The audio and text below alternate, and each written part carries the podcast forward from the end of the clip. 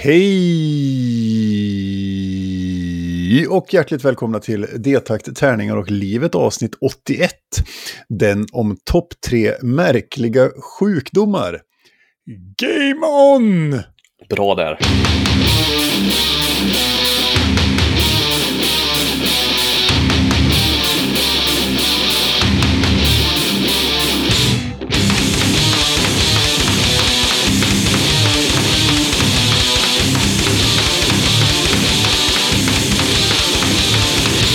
Den här podden är sponsrad av Spelgeek.com som har fraktfritt på ordrar över 600 kronor och det lilla skivbolaget Ofog och Motvalls som gillar korta, snabba och arga låtar. Man får jättegärna höra av sig till oss och hänga med i vår podd. Eh, har man något att säga så kan man kontakta oss, Detakttarningar och livet, gmail.com.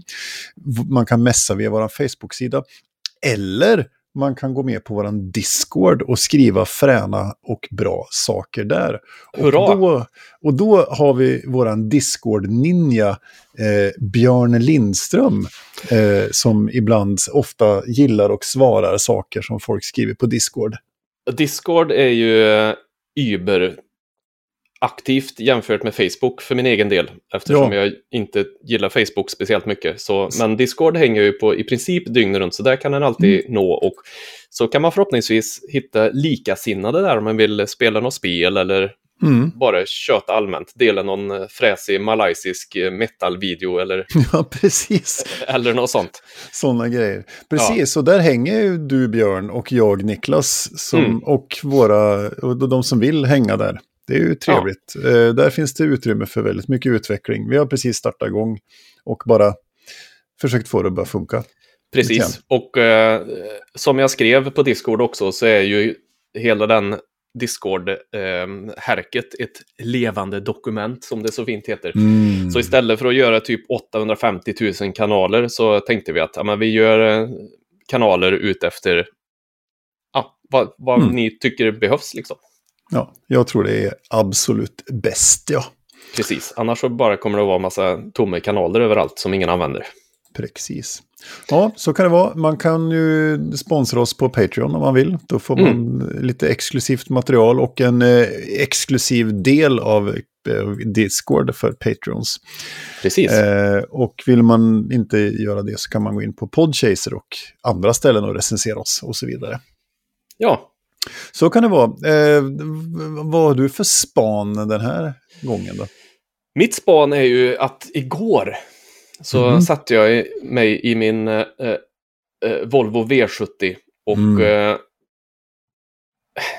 alltså, jag brände upp till Lidköping. Det gjorde jag inte. Jag körde försiktigt och fint. Men åkte upp till Lidköping och hälsade på, på Game Maniacs. Eh, Erik och Pontus och Martin var där. Vi Mm. satt inne på Game Maniacs i butiken som har stängt, men de höll öppet exklusivt för mig. Oj, oj, oj. Ehm, och vi satt där och spelade spel. Så jag fick prova att spela, vi spelade Bockrock som är ett litet kort kortspel där det gäller att... Det är lite så här blackjackigt. Ja. Eh, man ska bygga en ö och på den ön ska det finnas x antal eh, jätter. Typ. Så först. Ja, men eh, det låter konstigt. Men eh, man bygger ihop den här ön och så står det siffror på ödelarna. Hur många jätter man ska ha på hand när spelet är slut. Och sen Okej. gäller det att vinna stick då. Eh, Okej, det är en stick trick-taking game. precis. Liksom. Så, och då gäller det att, att vinna stick så att du får så många jätter som det står på ön att du ska ha. Men om du inte passar dig, man har liksom kort från 1 till 50 Mm. en hand. Eh, och får du fler jätter än vad som står så blir du tjock och förlorar. Och sen Mm. gäller det att vara så nära den. Eh, är det 16 jätter som ska vara på ön så gäller det att få 16 eller så nära som möjligt. Spännande. Det låter som Mm. plump liksom. Ja, men lite så. Det Tusen år sedan jag spelade plump, men... tre- trevligt så här familjespel där man kan haha varandra lite bara. Nu Mm. vann du ett kort med åtta jätter på här, men jag vet ju eftersom jag har följt med att du har ju redan 15 av 16. Mm. Eh, och så nice. spelar vi Clank, visar de mig. Fick jag vara med och testa. Mm. Just Eh, det, det är ju mer deckbilder. Ja, en deckbilder och man ska typ ner i grottor och hämta artefakter och ta sig upp. Men Mm. eh, varje gång man... Eh, oj, ursäkta. man spelar kort som gör att eh, man får alltså clanks då som det heter, som hamnar i en, en pool. Har du spelat clank? Nej, jag har inte gjort det. det Nej, har, jag har inte lyckats ta mig dit och se det och spela Nej, det precis. faktiskt. I alla fall, jag ska förklara väldigt kort. Man riskerar varje gång att det blir en Dragon Attack när man tar upp nya kort till marketen. Och då, när det blir en Dragon Attack, så får man i en påse dra små pluppar. Och eh, de, om din färg kommer upp så tar du skada. Mhm. Eh, och, och så olika grejer man gör gör att man får eh, lägga fler pluppar i drakpåsen om man säger. Åh fan. Eh, och så ska man köpa artefakter, man ska defeata monsters och så gäller det att ha så mycket poäng som möjligt. Eh, du måste ta dig över markytan för att få med dig dina poäng. Dör du ner under marken så får du inga poäng. Nej, nej, nej. Och det finns väl väldigt många varianter har jag förstått. Det finns även en legacy. Ja, och så finns det Variant. Clank in Space och det finns lite så här. Men det här var original Clank vi spelade. Ja. Våran eh, poddkollega Fredrik i Brädspelare emellan har pratat sig väldigt varm om Clank. Om man Mm. lyssnar på den podden, vilket man bör göra. Nu är den pausad tyvärr, men de körde två säsonger.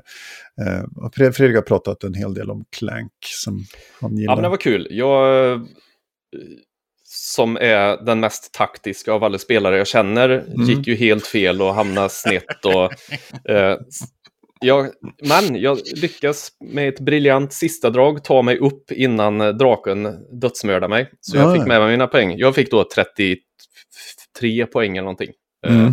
Martin som vann fick så här 116 eller något. Så jag bara, mm. Men det var ju första gången jag spelade. Eh, Ja. Och så. Plus att det kanske inte är... Strategi och björn är ingen eh, bra kombo.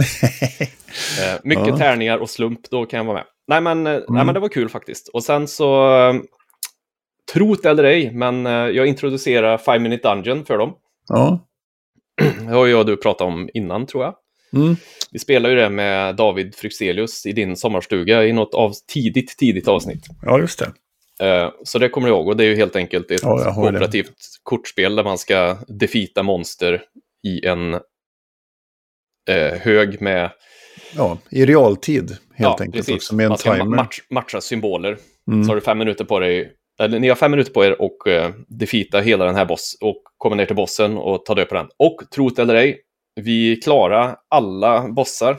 Ja, Men då hade vi ju eh, superninjan Martin som blev så till sig så han, han stod upp och bara "Hej, är det svärd, svärd, uh, hopp, jupp, svärd. Eh, eh, han var riktigt... eh, det, var, det var han som gjorde att vi klarade kan jag säga. Han stod Mm. och skrek bara ni är så långsamma!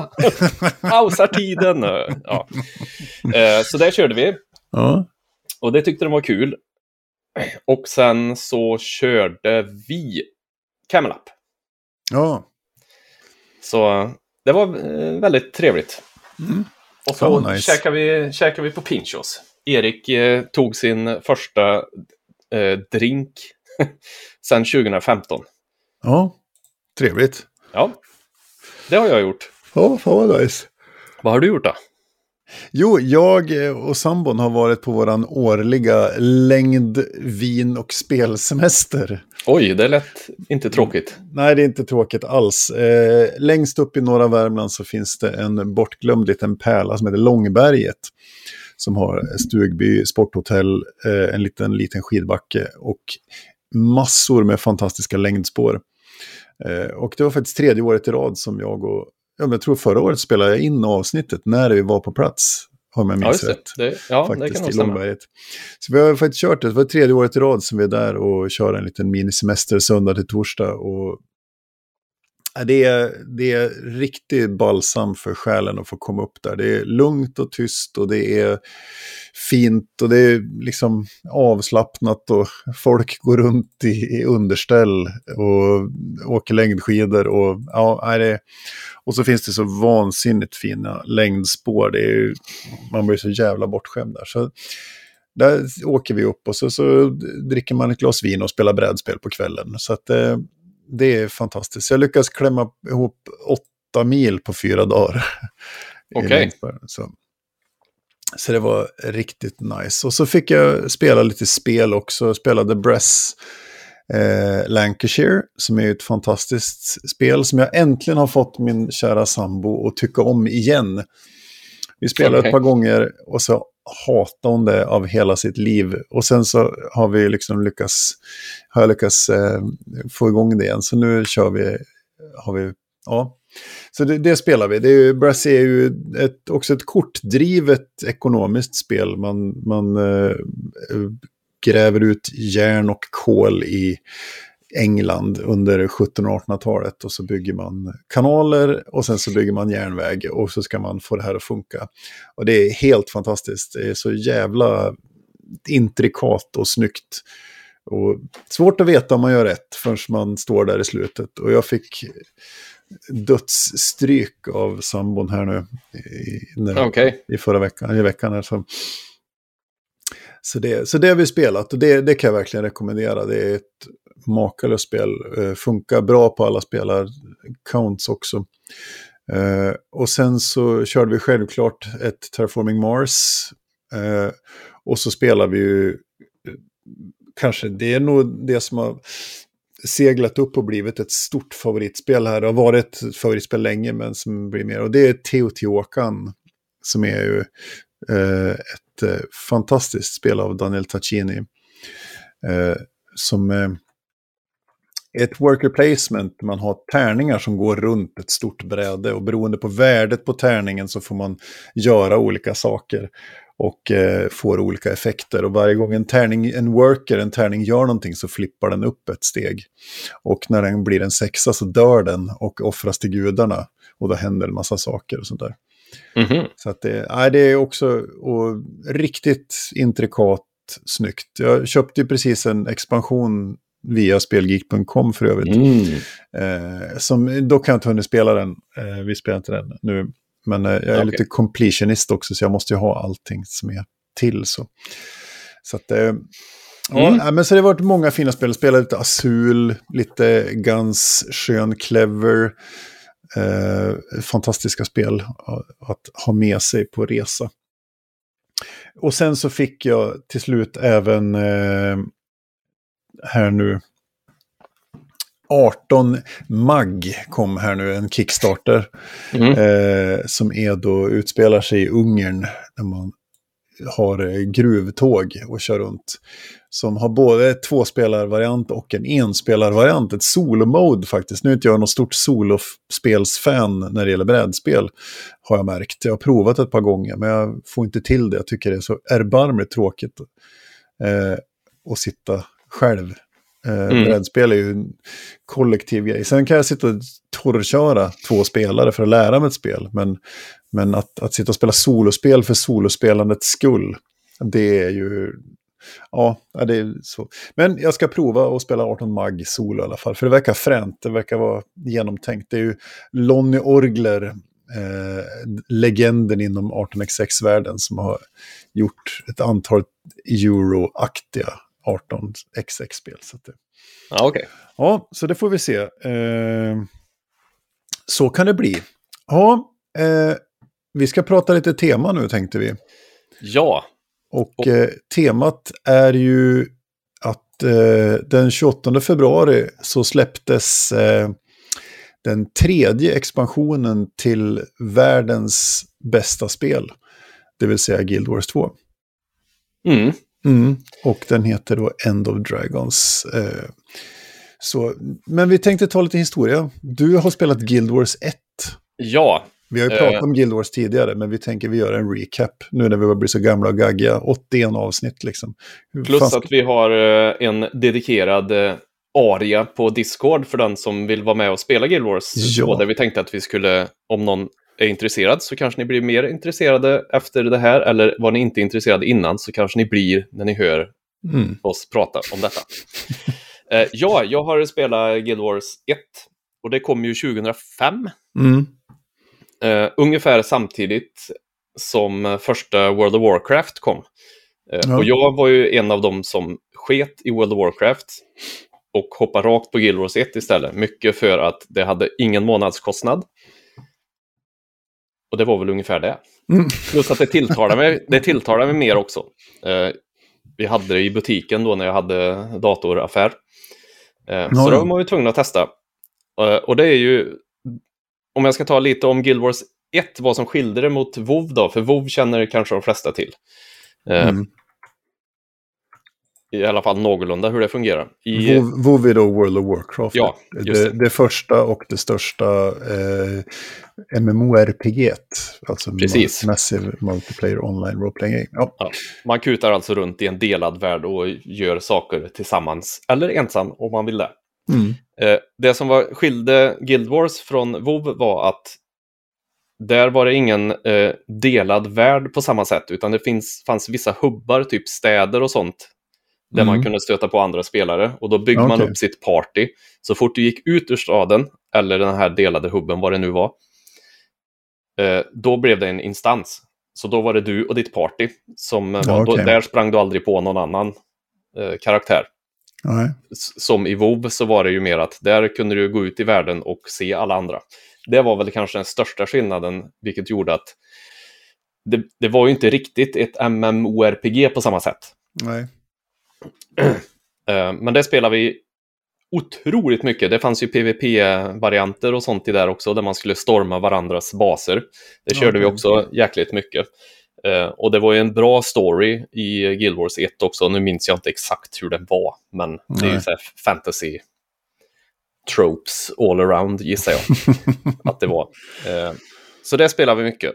Det var väl ungefär, och det kom ju lite olika expansioner till det också. En del var Mm. fristående, typ Eye of the North och eh, vad fan hette det när man var i Kantha? Mm.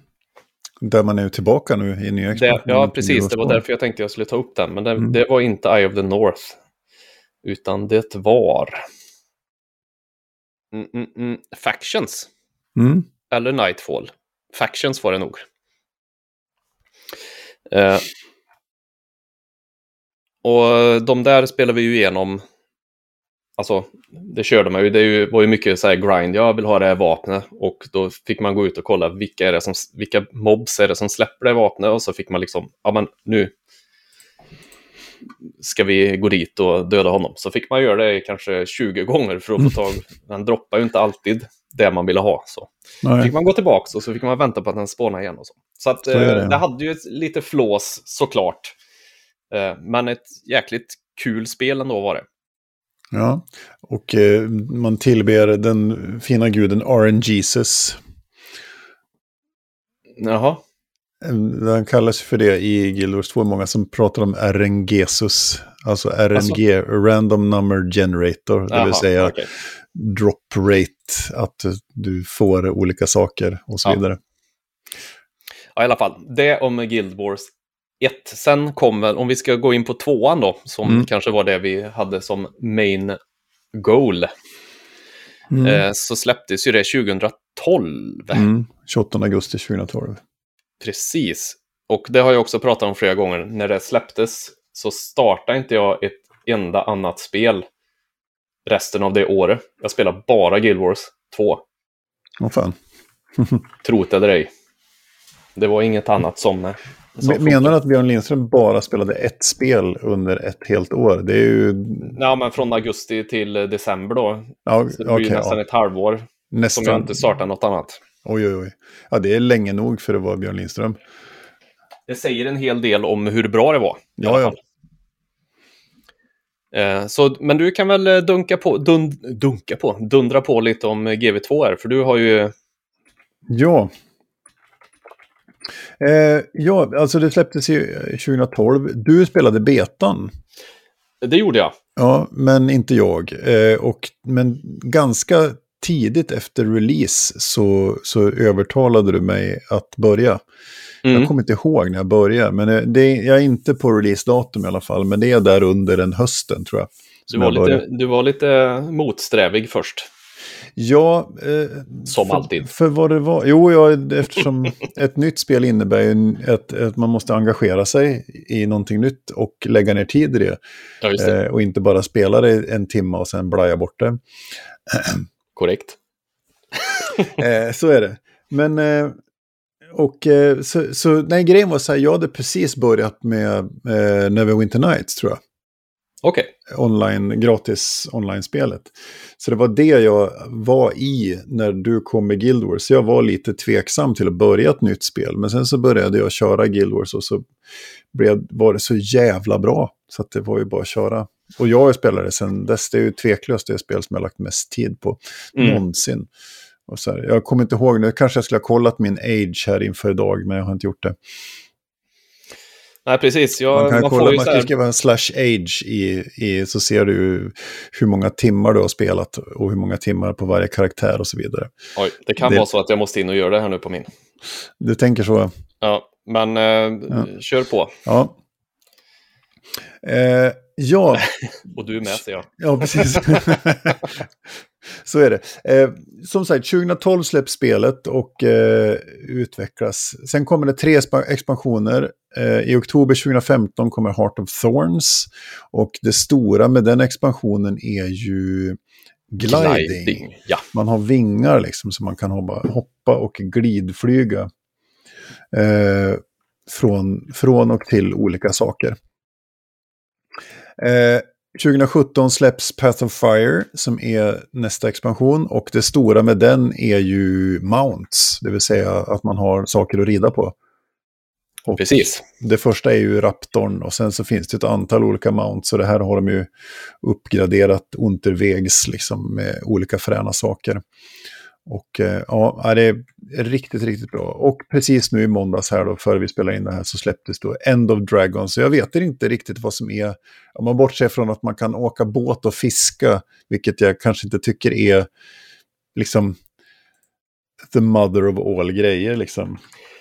Nej, men det är ändå, de har ändå lagt till nytt. Det vi ska tillägga också är att eh, i Guild Wars 2 så blev, blev det ju mer som i World of Warcraft, att det är en hel delad värld. Det är inte instanserat som det var i Guild Wars 1. Nej. Eh, plus att eh, du, det kostar ju ingenting i månaden. Du köper... Eh, Du köper spelet. Nu behöver du inte köpa spel längre, för nu kan man ladda ner gratis. grundspelet Mm. gratis. Men att man köper spel och sen så är det eh, gratis att spela, ingen månadskostnad. Men det som också gör att det har levt så länge och fortfarande är så fullt är att de lägger till sinnessjukt mycket grejer som du, man får ta del av helt gratis. Mm. Ja, det är ju Eh, helt fantastiskt. Ja. ja. vad, har du startat upp och sett det? Jag Ja, har min, min age här. Eh, you have played this character for 1466 timmar och 38 minuter över de senaste 2940 dagarna. Ja, eh, på den här karaktären, jag kör ju egentligen bara en, sen har jag ju Ja, några samma. andra som jag spelar också. Eh, men eh, den här karaktären har jag spelat 434 timmar, Mm. senaste 3480 dagarna. Och totalt 487 timmar across all characters då, så att Mm. du har ju lite mer kött på benen där.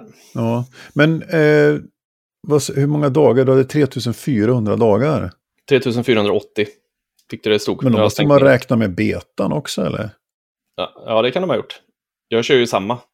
Ja, för om jag har spelat i 2940 dagar.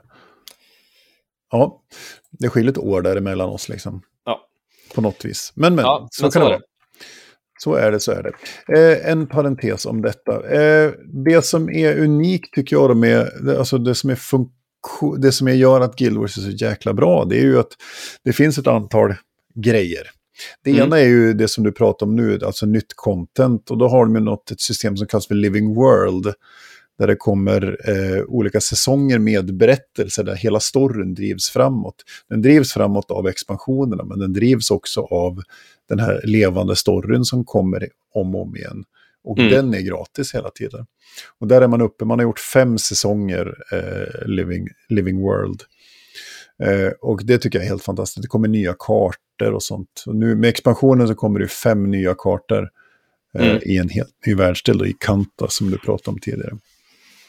En annan sak som de var först med, som jag fattade och som gjorde att jag tyckte det var, det är ju det här att det är dynamisk level scaling. Det vill säga att om, om någon av er lyssnare dyker upp i Guild Wars 2 och vill spela med oss så kan jag och Björn hoppa med och vi det är inte som i, i andra spel att vi är så jävla overpowered så du inte hinner få in en enda smäll på monstren innan vi har dödsmördat en hel by. Liksom.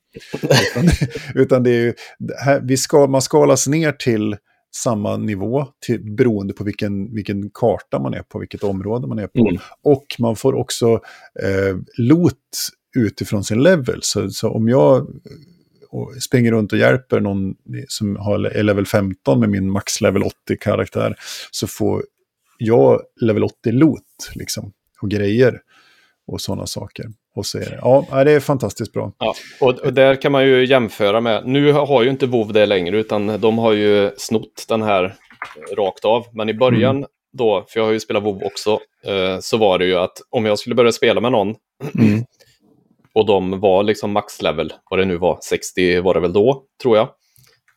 Då var det ingen, det var, fanns liksom ingen poäng. Det var bättre för dem att starta en ny karaktär och springa med mig. För att ja. då var det verkligen så att då dödade ju de allt. Det fanns ingen poäng för dem att springa där med mig. Men i Guild Wars så fanns det ju det. Då kan ju vi ha våra mains och springa och hjälpa er till exempel. Precis. och ja. även en annan grej som, som de var först med, vad, så vitt jag vet, var det här med att eh, om du är i och, och, håller på och gör en... Du, för att ofta när man spelar Guild Wars så springer man in och så ser man, oh shit, här händer det någonting. Jag vill vara med och hjälpa till. Mm.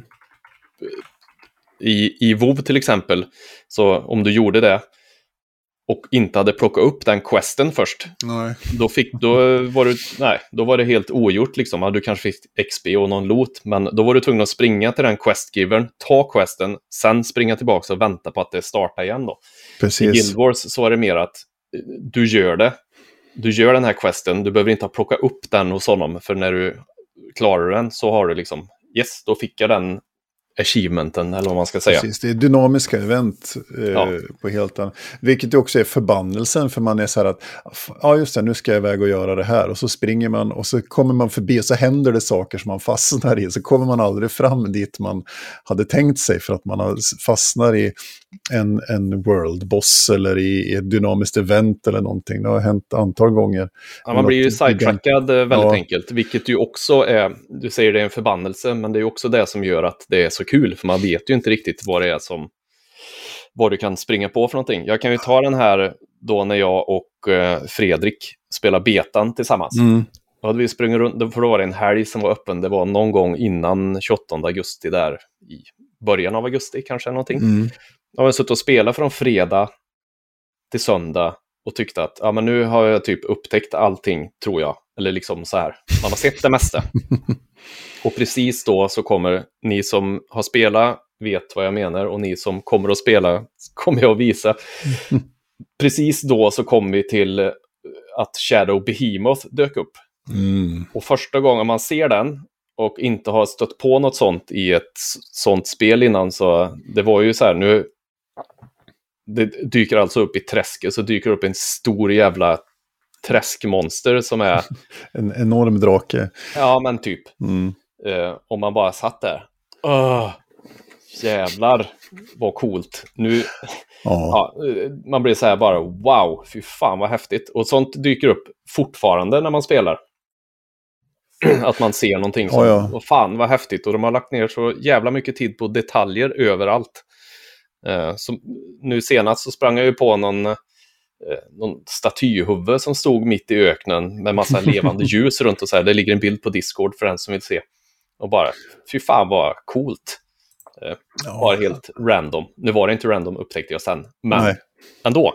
Ja, och den här Shadow Behemoth är ju en del av ett antal så kallade World Bosses som dyker upp runt om med, på klockslag liksom, och som droppar viss lot och så vidare och som ger mm. viss, och de är fantastiska och man behöver vara en, ja, det behöver vara en 20-30 ibland 40, ibland 50 pers för att man ska lyckas. Ja, och det var ju också det på den Shadow Behemothen, för då eh, stod det ju massa folk där och vi fattade ju inte vad de väntade på.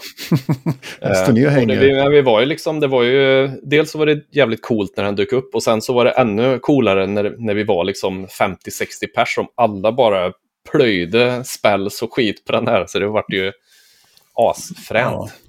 Ja, det är jävligt... upplevelse. Ja, Nej, och World Bosses är ju en typ av alltså, så kallade meta-events som dyker upp också. Alltså vissa kartor har stora meta-events som man måste vara många och, och göra tillsammans. Så jag har mm. ju, och du har ju inte spelat det, jag bara längtar tills du får uppleva Drizzled Coast-metat. Ja, okay. Mm, så det är bara... Jag jobbar eh, mig dit. Ja, du jobbar dit. Du, har du spelat Dragon Stand? Eh, Kommer inte ihåg. Den jag har sista... precis börjat igen, det var ganska länge sedan ja, jag spelade. Den sista nu. kartan i Heart of Thorns, första expansionen, så är det ju Dragon Stand, det är ju sista metat där, det är ju svinbra också. Men mm. Drizzlewood Coast är helt bisarrt bra. Och så har de gjort på flera nya kartor också, att det finns sådana metan. Det finns ju även eh, nu också två stycken 50 personers raid-liknande instanser också. Okay. Det ena är ju en, en slutfighten i Icebrood Saga, alltså Living World 5. Och eh, det andra är The Marionette, någonting som är också jävligt coolt. Mm. Som jag gjort någon gång. Eh, hade du något mer där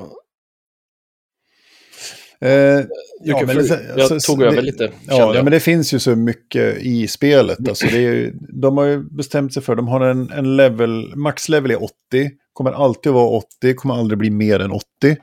Och det är ju det att när man väl tagit till 80 då börjar ju alltså endgame content, vad ska man säga, det alltså riktiga spelet börjar när man når maxlevel. Man mm. tränar i 80 levlar och, och förstår sin karaktär och sin klass och så. Och sin, sina rotationer och vad man nu har. Eh, och sen så börjar det riktiga när man alltså faktiskt gör uppdrag och grejer. Jag har gjort tre legendaries nu. Jag har en, en en långbåge, en kortbåge och en amulett till exempel. Och man kan, det finns hur mycket som helst att göra. Du kan, mm. det är liksom, som sagt, jag har lagt 1450 timmar på min karaktär. Och det är en fis i rymden liksom. Mot mm. Det finns PVP, det finns World vs. World. Ja, ja det är...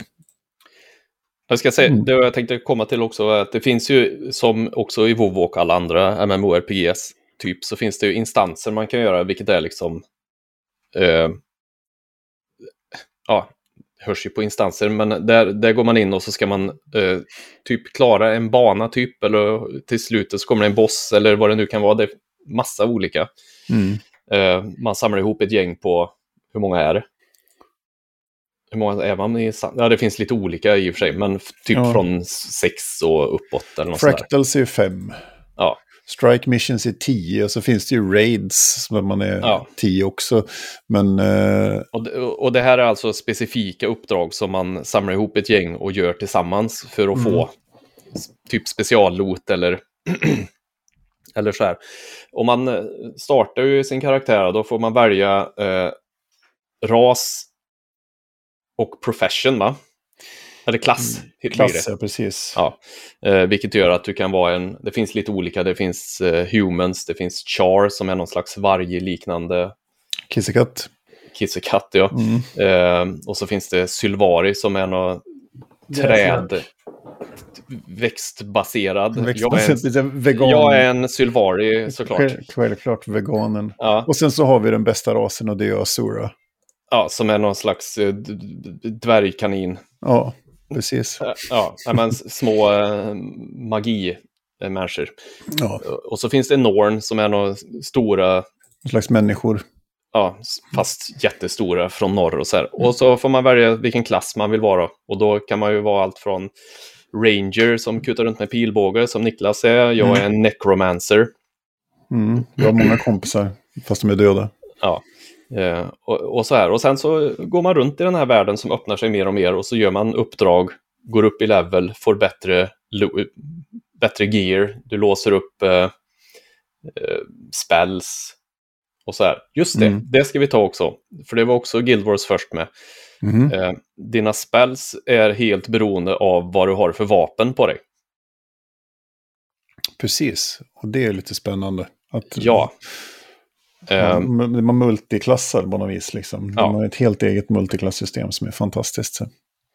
så man hittar ett vapen som man tycker att men det här vill jag köra med för det är kul. Eh, ett kul spelsätt. Eh, Och sen så får man helt enkelt bara leta bättre och bättre sådana vapen. Eh, mm. Som necromancer så har jag en, typ en staff och en scepter som gör att jag lägger så här conditions så folk blir poisoned och slow och bleeding och allt vad det är. Och så mm. håller jag mig lite utanför och lägger dem här och så får Niklas stå och skjuta pilbåge på dem. och så kanske det finns någon tank som kutar in och bara dundrar sönder dem med en tvåhandsvärd eller så. så och det, det, är också så här, det är mycket så här synergieffekter när man spelar som är kul. Mm. Ja, men det är roligt. Och jag, fattar, jag har fattat hälften av hur det funkar också. Jag har upptäckt mm. sådär, med massa finishing strikes och allt möjligt. Så. Men det, det är fantastiskt bra i alla fall. Och, och, som sagt, vi skulle kunna prata en halvtimme till och beskriva vad som finns i spelet. Men mm. eh, som sagt, End of Dragons nya expansionen släpptes här nu. Och, det, det är, och så har de, med expansionen så kommer nu också en grafikförbättring.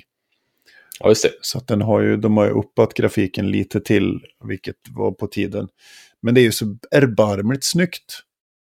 Ja, jag skulle säga att de tidiga ställena som man är på som har det första grafiken fortfarande är jävligt snyggt. Ja, ja, ja men så är det. Och jag har inte haft någon klagomål på det egentligen. Men, så det är, nej, det är riktigt nice. Man kan springa runt och, och bara gapa. Ja, det vi vill komma till också, men nu, avs inte avslutningsvis, eller kanske avslutningsvis, är att vi vill hemskt gärna att ni som är intresserade eh, hoppa in på Discord och spela med oss. Vi kan mm. Eh, visa er och har ni spelat länge så vill vi också spela med er ändå. Mm. Det vill vi absolut. ja, så in på Discord. Grymt, det om Guild Wars 2.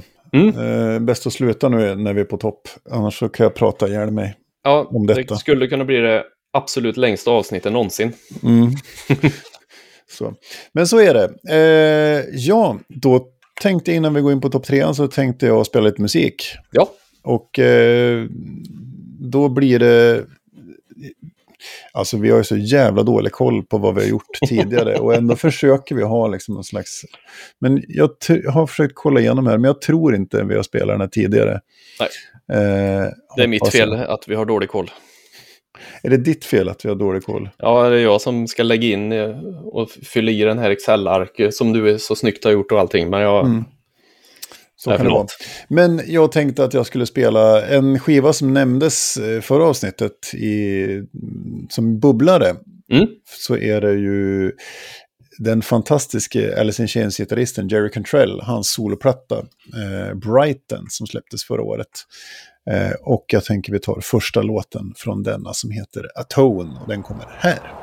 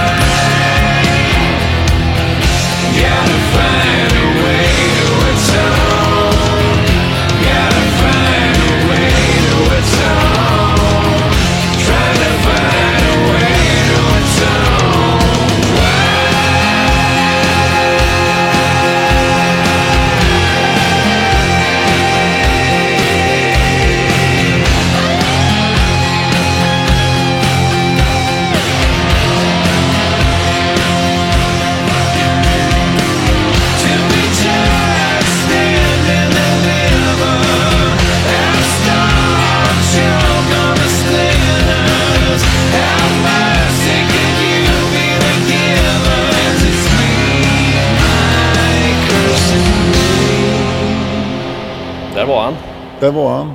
Jerry Cantarell. Jerry Cantarell. Ja, han sjunger så jävla bra. Fan, och låt, så jävla bra låtmaterial.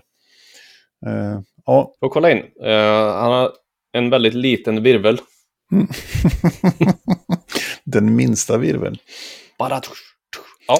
Så är det, så är det. Nej, men det där är en sån här person som har följt mig i ganska länge. Eh, ända sedan Facelift med Alice in Chains när mm. den kom för tusen år sedan. Och hans förmåga att sjunga stämmer och skriva melodier är ju makalöst skulle jag säga. Så att, eh, Coolt! Så kan det vara. Eh, rekommenderas varmt. Eh, en mm. av förra årets bättre skivor. Så. Ja, då ska vi prata. Fick vi ju som sagt tips på Discord av Alf, en av mm. våra Patreons tror jag till och med. Ja. Eh, som tipsade, gav oss tips att vi skulle ta topp tre sjukdomar. Och då tänkte vi ta topp tre märkliga sjukdomar. Ja, vi tweakar den lite där. För, vi, vi och vi har gjort research i kanske... Fem minuter. Ja. Det kan ju bli, kanske, det finns ju en del att välja på, men det, ja. det kan eventuellt bli någon crossover, vi får väl se. Vi lär ja. ju ha crossover på bubblor om inte annat. Ja, det kan det nog vara också. Så. Mm. Eh, precis. Ja, då kör vi. Ska jag börja? Jag börjar, tror jag. Ja, men gjort. Ja, jag gjort. Välkommen.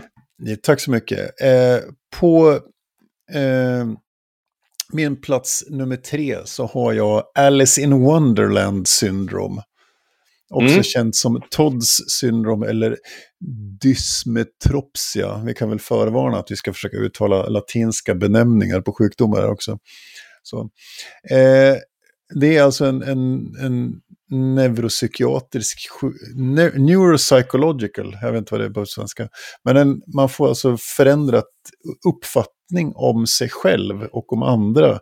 Man, man tycker att saker är mindre och större eller närmare eller längre bort än vad de egentligen är. Mm. Så man kan, man kan titta ner och tycka att ens hand är jättestor. Eller... Ja, det var väl vanligast med huvud och händer vad jag, mm. när jag läste. Så, så det är lite hallucinationer och grejer och eh, man får alltså tidsuppfattningen och det är därför den är döpt efter just Alice i Underlandet-grejen där, att den här bizarra eh, uppfattningen av saker om, om, omkring en. Så, eh, så att det, den, den verkar ju väldigt spännande att ha, kanske inte jättemysig men... Nej, men, eh, det är väl ingen av de här som är mysiga tror jag, men Nej. Nej, men den är med på min bubblarlista då kan jag säga. Ja, ja. Eh, ja, det finns ett antal olika. Man har visuella förvrängningar, man har hallucinationer. Alltså, och sen har man så här, jag läser på engelska så att det blir depersonalization eller derealization. Alltså mm. att man hamnar utanför verkligheten på något vis. Och sen kan man få hörsel och tidsförskjutningar. Så att, eh, ja, den verkar lite, lite läskig faktiskt. Mm, lite den, tablett eh, utan att veta. Ja, men precis. Den, den står att det påst, vissa delar, framförallt tidsdistorsion, kan påminna om ett LSD-rus. Ja, precis. Sådär. Det var det jag menade med tablett. Mm. Men, ja. Så. Ja, men det, är... det är min plats nummer tre, Alice in Wonderland Syndrome. Vad har du ja. på nummer tre då? Min plats eh, nummer tre, jag har ju klippt och klistrat engelska här så jag, jag tänker att jag läser eh, rakt av. Mm. Min plats nummer tre är Hula Hoop Intestine. Eh, ja, och då är det On February the 26th of 1992, Beijing worker Xu Denghai was hospitalized with a twisted intestine after playing excessively with a hula hoop. Alltså rockringstarmvred då kan vi väl översätta det här med. Oj, rockringstarmvred. Ja, he, his was the third case in the several weeks since a hula hoop craze had swept China. Och uh, the Beijing Evening News advised people to warm up before playing and to avoid hula hooping straight after eating. Jag... det är lite som att man inte får simma efter man har ätit. Ja, Då får man fast, kramp och dör. Fast det är ju en myt bara. Men ja, det här är ju ingen myt. Så jag kan tänka mig att ehm, det inte var så trevligt. Men Nej. också så är det eh, väldigt konstigt. Ja. Tänk dig att försöka få den genom Försäkringskassan i Sverige. Ja, Så här, efter det har gått 14 dagar, man varit sjukskriven och så ska du ringa till Försäkringskassan och så bara, ja, vad är det för sjukdom du ska säga? Jo, jag har rockringstarmvred. Tänk nej, dig, du, du får inga pengar. Nej, precis, det är det, vad fan. Det är nästan som när jag ringde sjukhus och sa att jag hade en skruv lös. Men, det... men jag fick ju i och för sig kanske pengar när jag tänker Ja. efter. Jag vet inte. Skitsamma. Så kan det vara. Ja, nej, Så var- hula hoop intestin, eller intest, in, intestin Intestin, är ja, rätt eh, inte. uttalat, tror jag. Det var på min tredje plats. Ja. Eh, på min andra plats har jag eh, Exploding Head Syndrome. ja. Så. Och den, den är ju faktiskt lite läskig. Det är helt enkelt att man upplever starka och skarpa ljud i huvudet. Mm. Som man blir rädd för. Ofta i samband med att man somnar eller vaknar. Men, men eh, explosioner eller gunshots eller något sånt här läste jag. Att just man kan uppfatta det som. Ja, och det, det, alltså man tror att, så här står det på Wikipedia, en förklaring tänks vara att på samma sätt som att musklerna kan rycka till vid insomning kan även neuroner avfyras, vilket resulterar i höga ljud eller blixtar beroende på i vilken hjärnregion avfyrningen sker. Mm. Så att det, ja, det, och det här verkar fruktansvärt verkligen. Eh, Ja, vissa som och- fick det en gång i livet och vissa hade det upp till sju gånger när de Mm. sov. Vad jag läste mig till. Ja, det är riktigt läskigt. Men just att man, man, man hör saker in i huvudet. Som, och det är ju skräckande som musiker. Att, att få strul med hörseln liksom, eller ljudupplevelser som inte Mm. finns. Det är så, det är fruktansvärt. Det är annars Mm. så man brukar dölja fel i eh, produktioner. Mm. Man lägger in en explosion om det är otajt i trummor eller någonting bara för att. ja, Så är det. Nej, så där har vi på min eh, andra plats har vi Exploding Head Syndrome. Och för övrigt namnet på ett fantastiskt norskt band som jag kan rekommendera. Som jag, som jag haft på Klubb Motvalls. Eh, en gång. Eh, som är från Oslo. Eh, riktigt bra. Exploding Head Syndrome. Lite så här stänkig rock'n'roll. Eh, mm, ja. Rekommenderas varmt. Så, det var min andra plats. Vad har du på andra plats? Okej, min eh, andra plats så har jag Jerusalem Syndrome. Jag vet inte om du har läst Nej. någonting om det. Ehm, det brukar vara ett ganska kortvarigt syndrom som eh, uppträder när man är i Jerusalem då, därav Okej. eh, namnet. Som är liksom att man, man tror att man är frälsare helt plötsligt, eller typ så här. Jaha. Vilket brukar innebära så här, excessive cleaning och att man har vita robes på sig. eh, eller så här, man, det kan dyka upp för vem som helst, men efter några dagar brukar det normalt sett sluta och då eh, skäms de över att hur fan kunde jag tro det här, eller så. Ja. Eh, törs inte svara på hur förankrat det här är i verkligheten, men jag tyckte ändå att eh, Thomas Di Leva ligger rätt bra till i Ja. särk och så vidare. Och även Abbott när jag tänker efter. Mm. Eh, Ja. Men det säger jag inte att de eh, lider av det här, men jag tyckte ändå att det var en ganska spännande och konstigt ja, det var lite att man helt märkligt. plötsligt börjar städa och gå i vit Ja, robe. och tror att man är Messias liksom. Ja, Så, nu har ju det hänt. Det finns ju vissa, ja, ja. Oftast män, som tror att de är lösningen på alla världens problem. Så att, eh, det, Monrörelsen tänker jag genast på. Ja, er som- valfri religiös sekt. Ja, ja. Eller valfritt totalitärt diktatoriskt land. Också. Mm, Så kan det vara. Så var det. Din andra plats var Jerusalem-syndromet helt enkelt. ja. Gött, då kommer vi till första plats. Yes, och då Får ska du naturligtvis få... Ja, det ska du få. Den kommer här. tack. På min första plats så har jag ett, oklart om det är bra, men ibland kanske det skulle vara bra. Det är alltså Auto Brewery Syndrome. Eh, Även känt som Gut Fermentation Syndrome eller Endogenous Ethanol Fermentation or Drunkenness Disease. Det är att Okej. man har alltså en, en, en mage som producerar sprit. Vilket gör att man blir full när man äter vissa saker för att i magen produceras det alkohol som tas upp av blodet. Och så blir du både full och bakfull. Och mätt. och mätt till råga på allt. Så, eh, och det här verkar vara väldigt alltså, märkligt. Men det, det verkar vara, det ändå förekommer. Men det är helt enkelt att vi... Fan vad när man, praktiskt ändå. Ja, men ibland praktiskt, men inte jättepraktiskt en måndag förmiddag i december. Man sitter på jobbet, tänker jag, även om det... Men det Ja. ju- gäller att du vet vad, det, vad som triggar det där då. Då kommer ju aldrig mer gå på systemet. Ja, men precis, det skulle kunna vara också.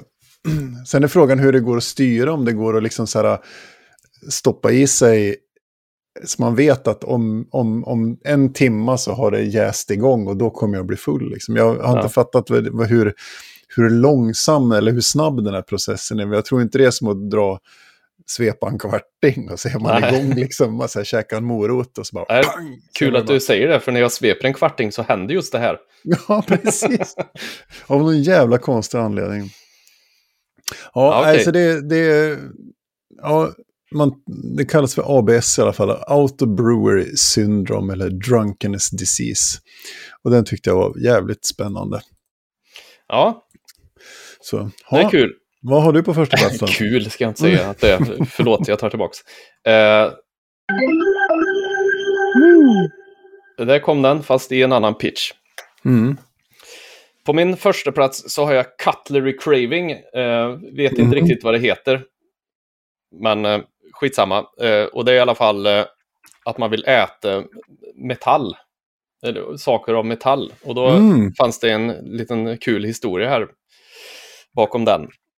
Eh, till exempel en 47-årig eh, engelsman som heter Allison Johnson som då Mm. var en eh, alkis-burglar. En alkisburglar. En tjuv helt enkelt som var alkoholist. Eh, och Mm. hade då den här, han var tvungen att äta silverware, alltså typ bestick. Fy fan. Eh, han hade alltså eh, över t- eh, 30 operationer för att ta bort saker från magen. Eh, 92 så opererade de bort åtta gafflar eh, och metalldelen av en mopp som hade fastnat i kroppen på honom. Eh, ja, han satt ju i fängelse väldigt ofta, men så fort han kom ut Mm. så åkte han till en restaurang och bara beställde hur mycket som helst. Eh, Shit. Fan, det, det låter ju mer som en psykisk sjukdom än en fysisk sjukdom, så att Ja, säga. Men han kunde ju inte betala när han hade varit på den här restaurangen. Så då eh, sa han till ägaren av restaurangen alltid att de skulle ringa polisen. Och sen å- satt han och åt bestick tills de kom. Men jag fattar inte, liksom, lyckades han tugga i Eh, en det, är gaffel? o- liksom? det är oklart, men det finns ju folk som äter metall. De eh, typ äter ju, alltså de slipar väl ner det och äter bit för bit. Eller liksom Ja, men kapar upp det på någon. Han kan ju inte tugga på en eh, gaffel liksom. Nej, men Eller- hur fan får han i sig gaffeln? Ja, det, Ja, detta oklart. lämnar ju mer frågor än det svarar på. Ja, ja. Ja. Men jag tyckte bara den var väldigt märklig. Jag har aldrig Ja, varit sugen på att äta upp något som, som är gjort av metall. Nej, men lite så. Jag känner inte heller något större sug. Kanske därför eh, vi är som vi är, tänkte jag säga. Ja, vi har inte varit så många gånger på sjukhuset och fått gafflar utopererade ur magen. Nej.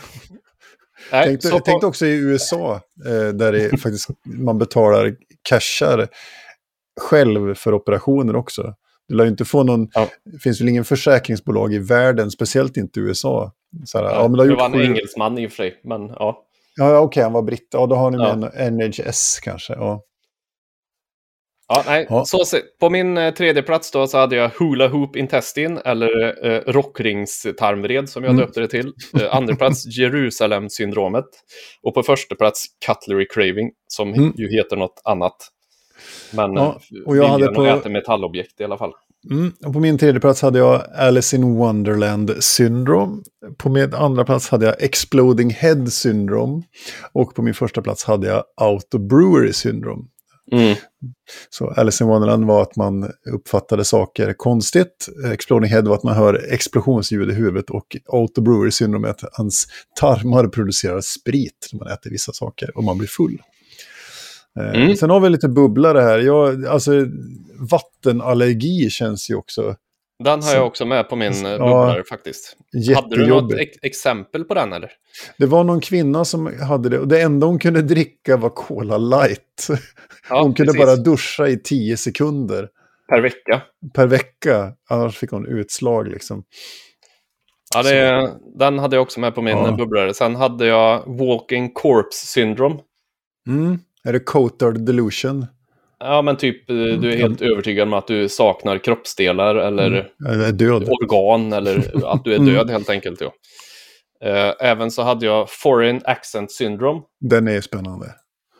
Precis, som eh, först trodde de ju att det var något så här, att det var rent psykologiskt allting. Mm. Alltså helt enkelt att du helt plötsligt börjar prata med en utländsk accent eller någon Mm. obegriplig accent som ingen vet vad det är. Men sen hade de upptäckt att det, var, det fanns någon del av hjärnan som var påverkad av alla de som hade den här. Och det Mm. kunde oftast dyka upp efter en stroke eller något sånt då. Precis. Eh, Ja. Sen hade jag Alien Hand Syndrome, eller Dr. Strangelove Syndrome också. Mm. När eh, man upplever att ena handen har en egen vilja eller liv och helt plötsligt kan hindra den andra från att göra någonting som du har tänkt. Till exempel. Eh, allmänt känd också från eh, Evil Dead 2 kan jag tycka. Mm. Ja, men lite så. Fast där har det ju en mer rimlig förklaring. Mm. Ri- rimlig inom hartassar. Ja. Rimlig i att din huvud, huvudet av din halshuggne flickvän biter dig i Hanna och den blir possessed. Typ. Ja, Så är det. Jag hade också en, också en inte allt för, som jag inte vet om jag skulle vilja ha, men det är, nu ska jag försöka uttala det, det är alltså trimetylaminuria. The fish odor syndrome. ja just det. Det vill säga att man, man, man, hans svettkörtlar utsöndrar en doft som gör att man luktar råfisk.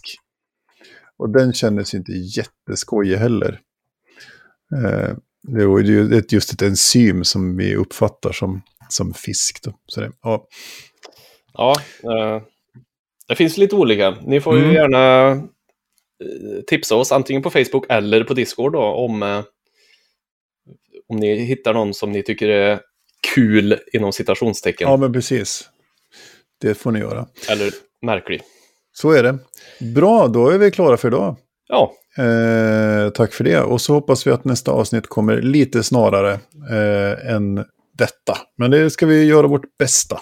och så hoppas vi att eh, vi har spelat Guild Wars 2 med några av er, minst. Ja, och träffat er allihopa på Discord. Ja. Fint det. Och då säger vi tack för idag. Puss och hej. Puss och hej.